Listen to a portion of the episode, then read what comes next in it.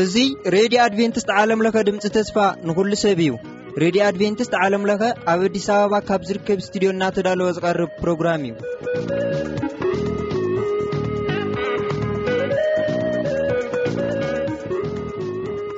በብዘለኹም ምዃንኩም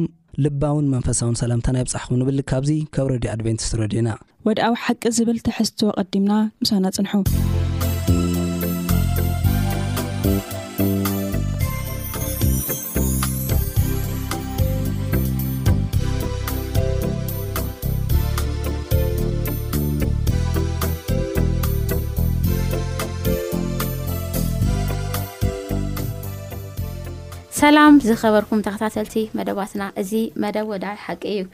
ኣብ ናይ ሎም መደብና ካልኣይ ትምህርትና ክንርኢና ኣርእስቲ ውከኣ ዝብል እቶም ዝመፁ ፈተናታት እዩ ዝብል እቶም ዝመፁ ፈተናታት እዩ ዝብል ዋና መእተዊ ጥቅስና ዝርከብ ኣብ ቀዳማይ ጴጥሮስ ምዕራፍ 4 12 13 እዩ ከምዚ ይብል ኣቱም ፍቁራተይ በቲ ንምፍታን ዝረኸብኩምሉ ዘሎ ዋዒ ሓዊ ሓደ ሓድሽ ነገር ከም ዝበጽሐኩም ኮይንኩም ኣይትገረሙ። ብምግላጽ ግርምኡ ድማ ክትሕጎሱን ባህ ክትብሉን ኢኹም እሞ፣ ኣብቲ ስቓይ ክርስቶስ ሕቡራት ካብ እትኾኑስ ተሓጎሱ ደኣ ይብል ማለት እዩ። ሕራይ ክቡራት ሰማዕቲ ኣብ ስቲዶ ምሳይ ሓውና ኣማንን ሓውና ቢንያምን ሎሚ ውን ኣለው።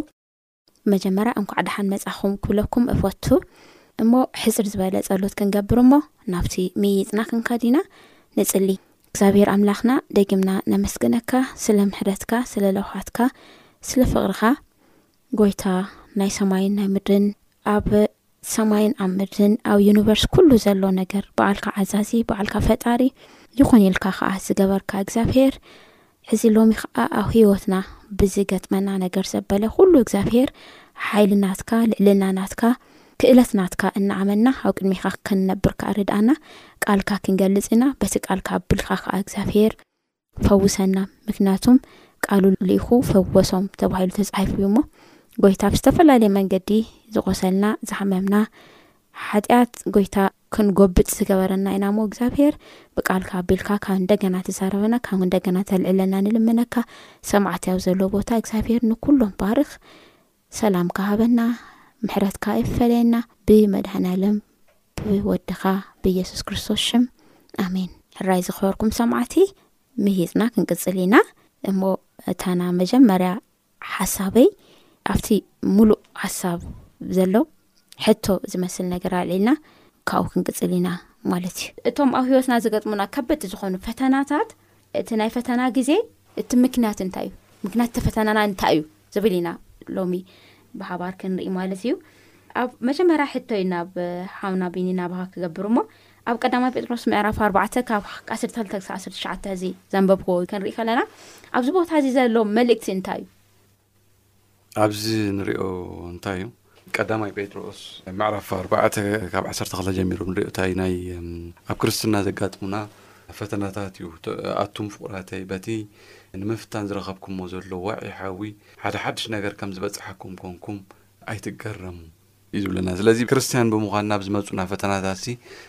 ክንግረም ክንድነቕ ከም ዘይብልና እንመሃረሉ እዩ ማለት እዩ። ብዙሕ ግዜ ኣብ ነገራት ኣብ ንርእየሉ እኳስ ዋዒ ሓዊ ኣብ ዝግበረሎም ኣብ ናይ ኬሚስትሪ ንኣብነት ሕዚ ኣብ ናይ ወርቂ ኣብ ንርእየሉ ወርቂ ብዋዒ እዩ ዝፍተን ከፍት ዝልብልብ ዋዒ ሞያቱ ግን ናይቲ ወርቂ ዋጋ እንዳወሰኸ ኣብ ዝኸደሉ እቲ ወርቂ ንጹህ ኣብ ዝኾነ እቲ ዝተፈጠረሉ ምኽንያት ስርዓት እንዳሓዘ ኣብ ዝኸደሉ ኢና ንርኢ ማለት እዩ። ስለዚ ንሕና እውን ክርስትያን ብምዃንና ክርስትያን ብምዃንና ጥራሕ ዝመጹና ፈተናታት ኣብ ህይወትና ብዙሓት ክነሶም ሙቐቶም እውን ኦር እቲ ናይቲ ሽግር ልዕልና ወይ እቲ ዝመጽእ መከራ ክብደት ማለት እዩ። ክብደት ገዚፍ ኮይኑ እናሃለዎ ኮይኑ ግና ከጥፈእና ዘይክእል ምዃኑ ንሕና ብክርስቶስ ዘለና ከስተኻኽለና እምበር ከጥፍእልና ዝኽእል ዘይምዃኑ ኣሚንና ክንግረምን ክንድነቕን ከም ዘይብልና ንመሃረሉ ጥቕሲ እዩ። ብጣዕሚ ይገርም እንዳውም እንታይ ይብል እቲ ብምግላስ ግርምኡ ድማ ተሓጎሱ ይብል ኣብቲ ፈተና ብክርስቶስ የሱስ ብዝመፅእ ፈተና ሲ እግዚኣብሄር እቲ ፈተና ከመይ ጌርና ሓልፍ ዘኽእለና ፀጋ ሒዙስ ኣብ ሕድሕድ ሰብ መንገዲ ኣብ ሕድሕድ ሰብ ልቢ ዝሓድር ኣምላኽ ምዃኑ ይገልጽ እና እቲ ናቱ ምግላጽ ግርምኡ ከኣ እዩ እቲ ፈተና ክንሸግር ዝገብር ዝብል እዩ ዝነግረና ማለት እዩ እና ምናልባት ኣብዚ ሕጂ ቢንያም ካብ ዝበሎ ሓሳብ ክውስኾ ዝደሊ እንታይ እዩ ናይ ጴጥሮስ ኣነ ብጣዕሚ እዩ ዝገርመኒ ዋዒ እዩ ዝብሎ ማለት ቀሊል ፈተና ኣይኮነን ከም ሓዊ ፈተና እዩ ዝበጽሖም ነይሩ ኣብኡ ዝነበሩ ኣብቲ ግዜ እቲ ህዝቢ እዋ ብጣዕሚ ከቢድ ፈተና እዩ ዝበጽሖም ነይሩ ብዝኸድዎ ይስደዱ እዮም ነይሮም ይህደኑ እዮም ነይሮም ኣብቲ ግዜ እቲ ዝነበሩ ክርስትያናት ሞሲ እንታይ እዩ ዝብሎም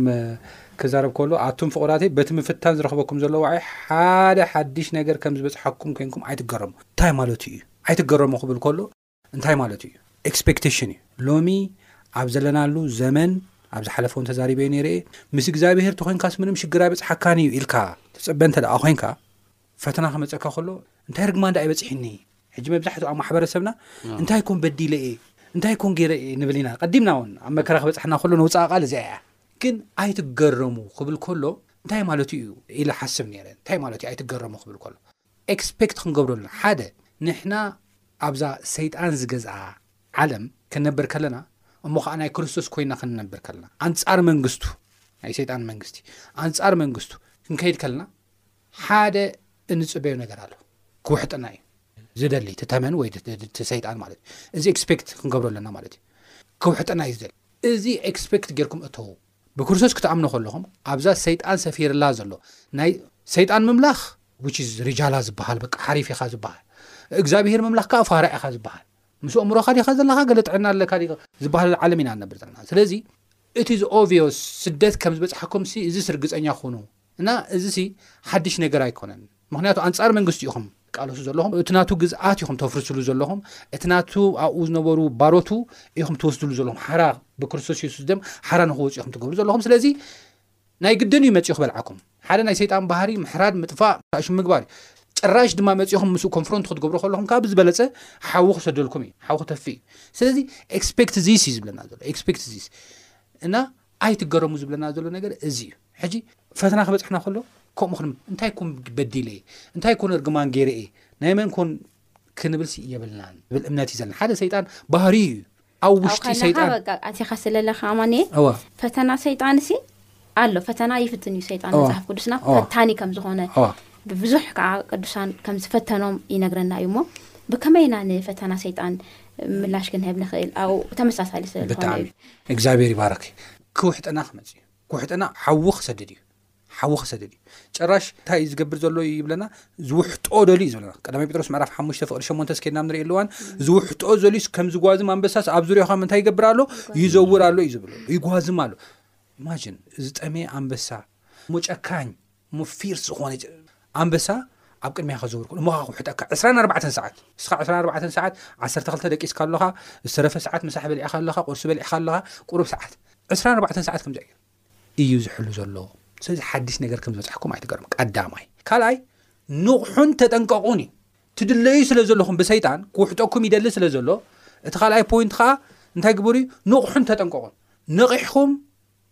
ተጠንቂቕኩም ተጸበይዎ እዩ ዝብል ዘሎ። ከይውሕጠኩም ብኡ ከይትወሓጡ ብኸመይ ኢና ንሕና ክንነቅሕ ንኽእል ብኸመይ ኢና ክንጥንቀቕ ንኽእል እንተ ደኣ ኢልና the only ኣብዛ ምድሪ ከ- እናሃለና እቲ the only ዋሕስና መን እዩ ኣብ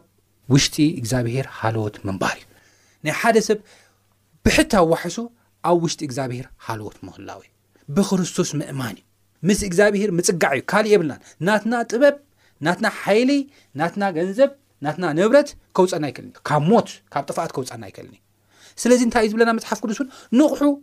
ንምንታይ ንቑሑ ንፀሎት ንቑሑ ንምንታይ ንእምነት ቃል ኣምላኽ ንምንባብ ንቑሑ እንታይ ንምግባር ምስ እግዚኣብሄር ተፀጊዕኻ ካብ ሓጢኣት ምርሓቅካን ዘይምርሓቅካን ኩሉ ግዜ ርግፀኛ ኹን ምክንያቱ ንሕና ብሕታው ካብ እግዚኣብሔር ትፈለየና ነገር ተሃለወት እንታይ እያ ሓጢኣት እያ ካልእ ካብ እግዚኣብሔር ዝፈለየና ነገር የለን ሓጢኣት እያ ትፈለየና ሓጢኣት ምፅላእና ርግፀኛታት ኮይና ምስ እግዚኣብሔር ንፀጋዕ ኩሉ ግዜ ኮንፈስ እናገበና ምስ እግዚኣብሔር ንፀጋዕ እዚ ብሕታ ውሓስና እቲ ዝጓዝማ ኣንበሳ ካብ ምዛር ወፃኢ ምንም ኣባና ከብፅሖ ዘይክእለሉ ሽግር እዚኣ ጥራሕ ውሓስና ኣብ ውሽጢ እግዚኣብሔር ምንባር ካብዚ ቀፂሉ ከዓ ነቶም ነቂሖምን ተጠንቂቆምን ዝነብሩ ብጥንቃቐ ከዓ ይብለና ጥንቃቐ ማለት እንታይ ማለት እዩ ቅድም ኢለ ነጊረኪ ካብ ሓጢኣት ተቆጢብና ርእስና እናገዛእና ምንባር ማለት ኦኬ ምጥንቃቕ ማለት እዚ እዚ ንዝገብሩ ሰባት ከዓ እግዚኣብሄር እንታይ ገይርዎም እዩ ተስፋ ሂብዎም እዩ እዚ ኮይኑ ከሉ እቲ ዲያብሎስ ኣይዓርፍን እዩ ይዘውር እዩ ብድምፂ የፈራርሖም እዩ የሰድዶም እዩ ዝተፈላለዩ ማዕበላት ብጎኖም የልዕለሎም እዩ ዳይሬክት ኣታኮ ክገብረሎም እንተደይከኣለ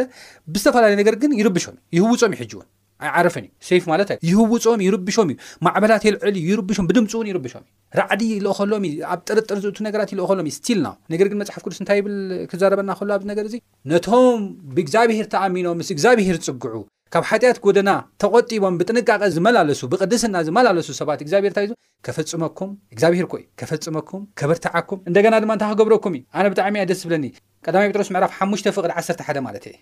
እንታይ ይብል? ዲያብሎስ እቲ መጻርትኹም ዝውሕጦ ደልዩ ከም ዝጓዘም ኣንበሳ፣ ቁጽሪ ትሽዓተ፣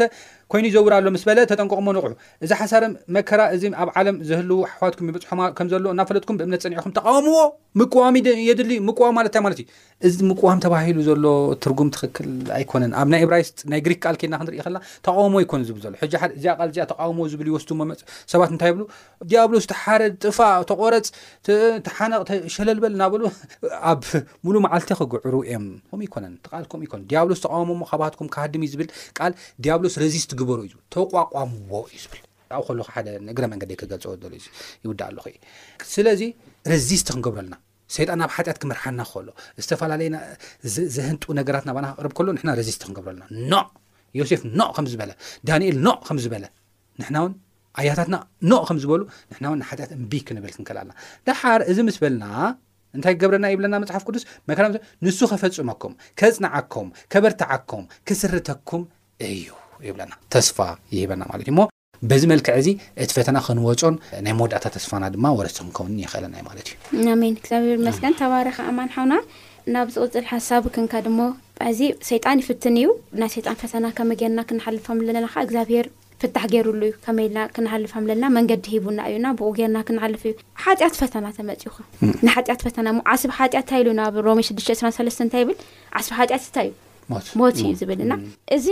ናይ ሓጢኣት ፈተና እዚ ናይ ሞት መንገዲ ከ ከመይ ኢልና ኢና ክንሸግር ንኽእል ቢኒ ሓውና ቁጥዓ ኣምላኽ ካብ ሰማይ ኣብ ረሲእነትን ዓመጻ ዘበለ ኩለን ነቲ ሓቂ ብዓመጻ ኣብ ዝኸድንዎ ሰባት ይግለጽ እዩ። ሮሜ ሓደ ዓሰርተ ሸሞንተ። ሮሜ ሓደ ዓሰርተ ሸሞንተ። ስለዚ እንታይ እዩ ንገብሮም ነገራት ኩሎም ሕድሕድ ነገራት ውፅኢት ኣለዎም። ሓደ ናይ እዞም ናይ እንግሊሽ ኣባሃል ኣሎ ኤቭሪ ሲን ካስት ሎንግ ሻዶ ዝብሉ ሕድሕድ ሓጢኣት ናይ ባዕላ ነዊሕ ጽላሎት ኣለዋ ዝብልዎ ማለት እዩ ስለዚ ኣብ ዘቃፅል ፀሓይ ኮይና ኣይስክሬም ሕዝና እጠው ተይልና ጀላቶ ሕዝና እጠው ተይልና እታ ጀላቶ ትመክኸያ ግድነት እዩ ሳዕቤንን ናይ ሳዕቤ ምክንያትን ሳዕቤንን ምክንያትን ሓቢሮም ዝኸዱ ነገራት እዮም ኩላሻብ ሓደ ነገር ንገብር ከለና ምክንያት እዩ ነቲ ካልእ ሳዕቤን ማለት እዩ ስለዚ ሰባት ንንሰርሖ ነገራት ኩሉ ሕድሕድ ሳዕቤን ከም ዘለዎስ ንፈልጥ ክንክእል ኣለና እዩ ስለዚ እግዚኣብሄር ናይ ግብረገብ ሕግታት ነፍርስ ዘይግበአና ምዃኑ እዩ ስለ ሓደ ሓደ ግዜ ኣብዚ ሕጂ ንሕና ብእምነት ብናይ እግዚኣብሔር ጸጋ ኢና ንድሕን እምበር ብሕጊ የኮነን ዝበሃል ንብሎ ኣሎ ብናትና እምነት ማለት እዩ ስለዚ ብርግጽ ንሕና ናይ ድሕንነትና ምክንያት ብእምነትና ብናይ እግዚኣብሔር ጸጋ ንድሕን ኮይኑ ግና ሕቶም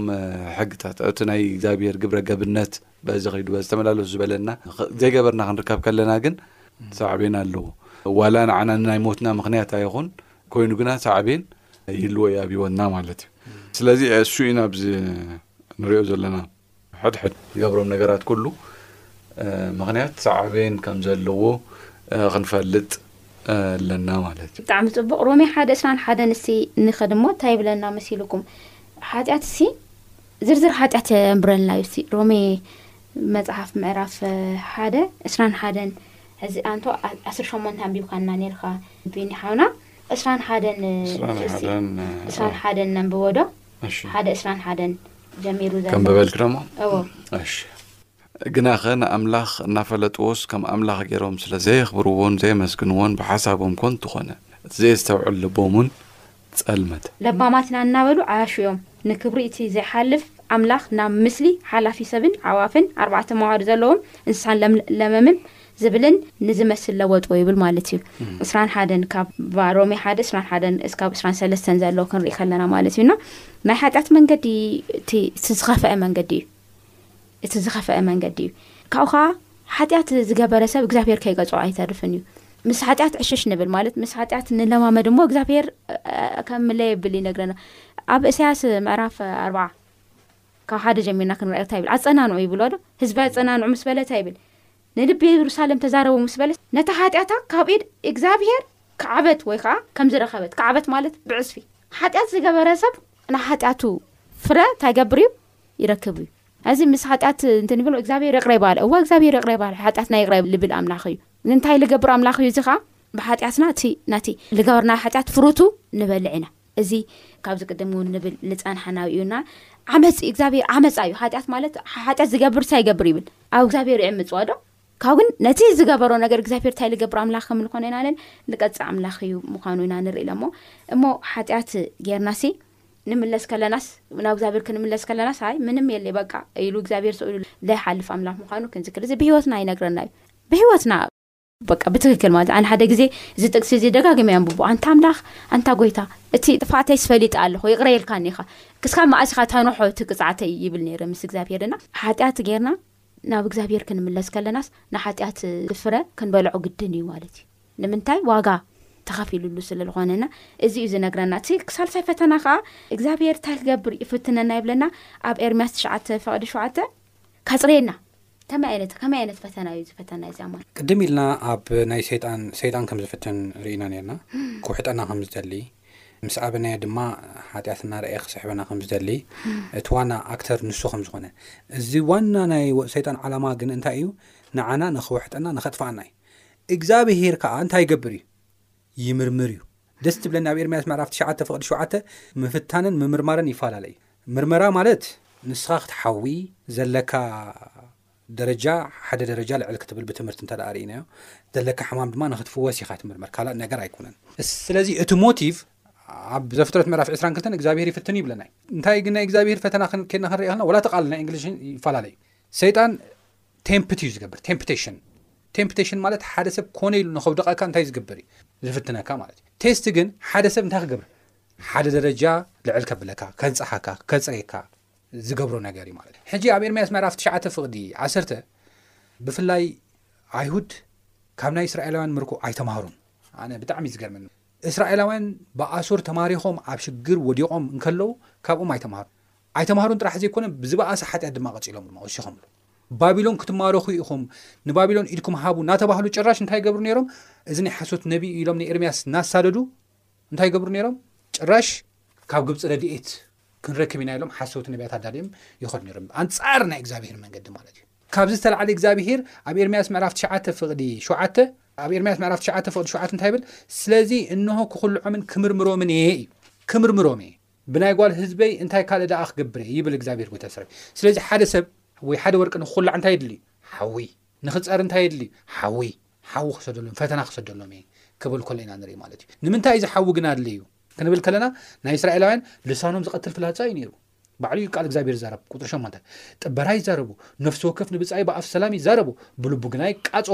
በዚ ነገር እዚ ዶ ኣይክቐፅዖምን እየ ነዚ ከም ዝመሰለ ህዝብስ ነፍሰይ ዶ ሕነ ኣይክትፍድን እያ ይብል እግዚኣብሔር ንኣኽራን እበኸየሉን እደጉዓሉን ነቲ መውፈር በረኻውን ብሓዊ ነዲዱ ዝሓልፈሉ የልበል እሞ እቑዝመሉ ኣለኹ ኣብኡ ንቕዋ ካብታ ኣይስምዕን እዩ ኣዕዋፍ ሰማይ ኰነ ንኻልኦት እንስሳውን ሃዲሞም ተጸርገፉ። ንየሩሳሌም መዀመር እምንን ሰፈር ወኻሩን ክገብራ፣ ከተማታት ይሁዳ ኸኣ ሓደ እኳ ዘይነብረን ዑናታት ገብረኒ። እቲ ነዚ ዜስተውዕሎ ጥበበኛ መን እዩ? ነዚ ኺገልጾ ኣፍ እግዚኣብሄር ንመን ተዛረቦ? እታ ሃገር ሓደ እኳ ዚሓልፋ ዜብላ ዀይና፣ ከም ምድረ በዳ ነዲዳ ዝጠፍእስ ስለምንታይ እዩ? እግዚኣብሄር ከኣ ይብል፣ ነቲ ኣብ ቅድሚኦም ዘንበርክዎ ሕገይ ሓደጉ፣ ድምጸይ ከኣ ኣይሰምዑን፣ ብእኡ ኣይተመልሱን፣ ግናኸ በትሪ ልቦምን ከምቲ ኣቦቦታት ዘምህርዎ ደድሕሪ በዓል ሰዓቡ እሞ፣ ስለዚ እግዚኣብሄር ጐይታ ሰራዊት ኣምላኽ እስራኤል ከምዚ ይብል ኣሎ፣ እንሆ፣ ኣነ ነዚ ህዝቢ እዚ መሪር ከብልዖ ማይ ስሚ ከስትዮ እየ፣ ኣብ ማእከል እቶም ንሳቶምን ኣቦታቶምን ዘይፈልጥዎ ህዝብታት ፋሕ ከብሎም፣ ክሳዕ ዝውድኦም ድማ ንደድሕሪኦም ሰይፊ ክሰደሎም እየ። ከመይ ዝኣመሰለት ዝነበረት ሃገር! ቤተ መቅደስ ኣምላኽ እግዚኣብሔር ኣብ ማእኸሎም ዝነብርሉ ዝነበሩ ቤተ መቅደስ ኣምላኽ ኣርኪሶሞ ሕጊ ኣምላኽ ሓዲጎም ዞም ሰባት እዚኦም ስለዚ እግዚኣብሄር ከም ኣቦ ክቐፅዕ ነይርዎ ኣይነበሮን እግዚኣብሄር ከም ኣቦ ከፅሪ ነይርዎ ኣይነበሮን ነይርዎ ከፅሪ ከሎ ክኩልዑ ከሎ ግን ሓዊ ነይሩ እንታይ እቲ ሓዊ ባቢሎን መፂኦም ቤተ መቅደሶም ኣፍሪሶም እቲ ክብሮም ዝነበረ ታቦቶም ወሲዶም ኣዋረቆም ወሲዶም ብምሉእ ንኡሳቶም ብምሉኦም ማሪኾም ወሲዶም ክሳብ ክንዲዚ እዩ ነይሩ መሪር እዩ ነይሩ ንምንታይ ንምግባር እዩ እዚ ግን ህዝቢ እስራኤል ንምብጃው እዩ። ሙሉእ ብሙሉእ ንኸይጠፍኡ ህዝቢ እስራኤል ቅሬታ ንምትራፍ እዩ። ንምድሓን እዩ። ናብ ልቦም ንምምላስ እዩ ነይሩ። ኣብቲ ግዜ እቲ ብዙሕ ሰብ ዶ ሞይቱ? እወ። ኣብቲ ግዜ እቲ ብዙሕ ንብረት ዶ ጠፊኡ? እወ። ሰብዓ ዓመት ቀሊል ኣይኮነን ኣብ ትሕቲ ባቢሎን ምንባር። ናይ እግዚኣብሔር ውሳኔ ግን ከምኡ እዩ። ግን እዚ እኳ ክውስን ከሎ እግዚኣብሔር ንህዝቢ እስራኤል እንደገና ኾሊዑ ከውፅኦም ዘብረቕርቕ ክቡራት ህዝቢ ንክገብሮም እዩ ነይሩ ናይ እግዚኣብሔር ኢንቴንሽን። ብጣዕሚ ዝገርም እዩ ነይሩ ማለት እዩ እሞ በዚ መልክዕ እዚ እግዚኣብሔር ይፍትን እዩ። ግን ንክኹልዓና ንኸጽርየና ንኸምህረና ከም ዝኾነ እዩ ዝምርምረና ማለት እዩ ናይ እግዚኣብሔር ኢንቴንሽን እዚ እዩ ብጣዕሚ ጽቡቅ እግዚኣብሔር እንግዲህ እቲ እቶም ኣነ እቶም ዝፈትዮም እንታይ ገሮም እዩ ቀፅዖም እዩ ኣቋፅዖም እዩ። ማለት እዩና ካብ እግዚኣብሔር ካብ ፍቅሪ መግለፂኡ እቲ ሓደ እዩ ማለት እዩ ሃና ኣጥርዩ ንስሙ ንክብሩ ደው ከብለና ይፍትነና ከም ዝኾነ ኢና ንርኢ ናይ ሰይጣን ፈተና ባይዞ ናይ ሞት ፈተና እዩ ንሓጢኣት ፈተና እውን ናይ ሞት ፈተና እዩ ናይ እግዚኣብሔር ፈተና ግን እንታይ ዓይነት ፈተና እዩ ፍሉይ ዝገብሮ ናይ ፍቕሪ ፈተና እዩ ወይ ኸዓ ኣበጁ ኣስተኻኺሉ ናኡ ናብ ሙሉኣቱ ከብፀሐና ይፍትን እዩ እግዚኣብሄር እና እዚ እውን ንርኢ ናብ መወዳእታ ሓሳብና ንምፃእ እሞ ኣብ ካልኣይ ቆሮንቶስ ኣሰብቲ ክልተ ሸውዓተ እንታይ ይብለና ካልኣይ ቆሮንቶስ ኣሰብቲ ክልተ ሸውዓተ እንታይ ይብል ብምክንያት እቲ ኣዝዩ ብሉፅ ራኢ እምብዛ ምእንቲ ከይዕበይ ከዓ ኣብ ስጋይ ግራጭ ተዋሃበኒ እምብዛ ምእንቲ ከይዕበይ መላኣኽ ሰይጣን ከሳቀየኒ ተዋሃበኒ ይብል ማለት እዩ እዚ ከዓ ምስ ጉብዝና ተታሒዙ ምስ መንእሰይነት ተታሒዙ ማለት ምስቲ መንነትካ ተታሒዙ ዝመፅ ፈተና እውን ከም ዘሎ ኢና ንርኢ ማለት እዩና እዚ ፈተና እዚ ብከመይ ኢና ክንሓልፎ እግዚኣብሄር ዝመክረና ኣብዚ ጳውሎስ ናይ ስጋይ መውግኢ ክብል ከሉ ናይ ስጋይ መውግኢ ከይዕበይ ኣንተዋቦ ክነግረና ከሎ ኣብቲ ግዜ እቲ ብተኸታታሊ ብጸላእቱ ዝበጽሕዎ ዝነበሩ ጥቕዓታት ንምርኣይ እዚ ዝነበረ ግን እቲ ዓላምኡ ናይ እግዚኣብሔር ዓላማ ከም ዝነበረ ከኣ እቲ ናይ እግዚኣብሔር ዓላማ ከኣ ናቱ ትዕቢት ከይህሉ ከይዕበይ እሞ ካብ ናይ እግዚኣብሄር መንገዲ ፈቓቕ ክብል ካብ ናይ እግዚኣብሄር ናይ ፅድቂ መንገዲ ከይወፅእ እግዚኣብሄር ጓሳ ኮይኑ እናመርሖ እዩ ማለት እዩ ስለዚ እዚ ንምግላጽ እዩ ናይ ኣብቲ ናይ ዝሓለፈ ትምህርትና እውን ንዛረቦ ነበርና ናይዚ ከም ሓደ በጊዕ ጳውሎስ ተወሲድና ሓጂ ናይ እግዚኣብሔር በጊዕ ናብ ጥፋኣት ከይኸይድ እቲ ጥፋኣት ከ ዝወስዶ ከዓ እንታይ እዩ እቲ ትዕቢት ስለዚ ናብኡ ንኸይከይድ ናብቲ ትዕቢት ንኸይኸይድ እቶም ኣብ ከባቢኡ ነበሩ ጸላእቲ ተዋሂቦሞ እቶም ነቶም ጸላእቲ ከዓ መውጊኢ ተስተዋሂብኒ ናይ ስጋይ መውጊኢ ወይ ብደንቢ ናይ እግዚኣብሄር መልእኽቲ ተረዲኡ ካብ ጳውሎስ ብኸምዚ ገሊጽዎ ማለት እዩ ከም ተዋህቦ ማለት እዩ ስለዚ ከይዕበይ ይገብሮ ከም ዝነበረ እግዚኣብሄር ዝገልጸሉ ስለዚ እቲ ፈተና ናይ እግዚኣብሄር ናብ ሕማቕ ንኸይወድቕ ናብ ሕማቕ ከይወድቕ ንጳውሎስ ይሕግዞ ከም ዝነበረ ብመንገዱ ስርዓት ሒዙ ክኸይድ ይሕግዞ ከም ዝነበረ ንመሃረሉ እዩ። ብጣዕሚ ጽቡቅ ብጣዕሚ ደስ እዩ ዝብል ኣቢኒ ሓውና እግዚኣብሔር ይባርካ እዚ ናይ ጳውሎስ ፈተና እንታይ ምዃኑ መጽሓፍ ቅዱስና ገሊጹ ኣይነግረናን ግን ጳውሎስ ፈተና ነይርዎ ካብ ባዕሉ ክለዓለሉ እዚ ነገር እንተስ ሕማም ክኸውን ይኽእል እዩ እንተስ ዝኾነ በቃ ካብ ውሽጡ እግዚኣብሔር ከወግዶ ዝደልዮ ነገር ከም ዝነበረ ኢና ንርኢ ማለት እዩ ግን በቲ ነገር እሱ ክንደይ ግዜ እየ ናብ ኣብ ቅድሚ ኣምላኽ ኰይነ ይብል፣ ብምክንያት እቲ ኣዝዩ ብሉጽ ራእይ፣ እምብዛ ምእንቲ ኺዕበይ ከኣ ኣብ ስጋይ ግራጭ ተዋህበኒ፣ እምብዛ ምእንቲ ኺዕበይ መልኣኽ ሰይጣን ኬሳቕየኒ ተዋህበኒ። ይሳቐይ ነይሩ እዩ ብቲ መከራ እሱ፣ ይሳቐይ ነይሩ። ካብኡ ዝተላዕለ እንታይ ገበረ? እዚ ኸኣ ካባይ ኪርሕቕ ምእንታን እንታይ ኢሉ? ብዛብኡ ንጐይታይ ሰለስተ ሳዕ ለመንክዎ እዩ፣ መሃረኒ፣ ኣሕልፈኒ ካብዚ ነገር እዚ ነገር እዚ ካባይ ኣዕልል እናበልኩ ለመንክዎ ይብል ግን ና እግዚኣብሄር መልሲ ግን እዚ እዩ ነይሩ እግዚኣብሄር እንታይ ኢልዎ ይብል ምስ ለመንክዎ ንሱ ከዓ ሓይለይ ብድኻምካ እዩ ዝፍፀሞ ፀጋ ይኣኽለካ በለኒ ስለዚ ሓይሊ ክርስቶስ ኣብ ልዕለይ ምእንታን ክሓድር ብብዙሕ ታሓጓስ ብድኻመይ ክምካሕ እየ ይብል ማለት እዩ ኣብታ ደኺማቶ ለላታ ኣብታ በቃ ኣብ ውሽጡ ዘይደልያ ነገር እግዚኣብሔር ግን ጸጋይ ንኣኻ ይኣኽለካ እዩ እቲ ነገር እሱ ምሳኻ እንታይ ገኑ እዩ ክነብር እዩ ኢልዎ ማለት እዩ እና ሓደ ሓደ ግዜ ኣብ ስጋና እግዚኣብሔር ለንብሮ ፈተና ኣሎ ማለት እዩ ምንታን ታይ ከይንኾን ከይንዕበይ ትዕቢት እንታይ እዩ ናቲ ናይ ንኾነ ይኹን ውድቀት ናይ ዝኾነ ይኹን ፌለሪቲ እትና መጀመርያ ስቴፕ እንታይ እዩ ትዕቢት እዩ ማለት እዩ ስለዚ ተዓቢና ከይንወድቅ እግዚኣብሄር እንታይ ይገብል እቲ ንዕበዩ ነገር ኣባና ከይህሉ ይሒዝ ማለት እዩና ሎማዓንቲ ዝተፈላለዩ ዓይነታት ፈተናታት ኣብ ሂወትና ኣብ ኣየኑ ፈተና ከም ለለና ኣይንፈልጥን ኣነ ናብ ዓለይ ኣየኑ ፈተና ከም ልኮነ ካብ ዝወሲደ ከድሕደና ከዓ ኣብ ዘሎ ኣሕዋተይለ ዝፍተንዎ ፈተና ቢሎም እዮም ብሰይጣን ዘይፍተነለይ ብሓጢኣት ዘይፍተነለይ እታ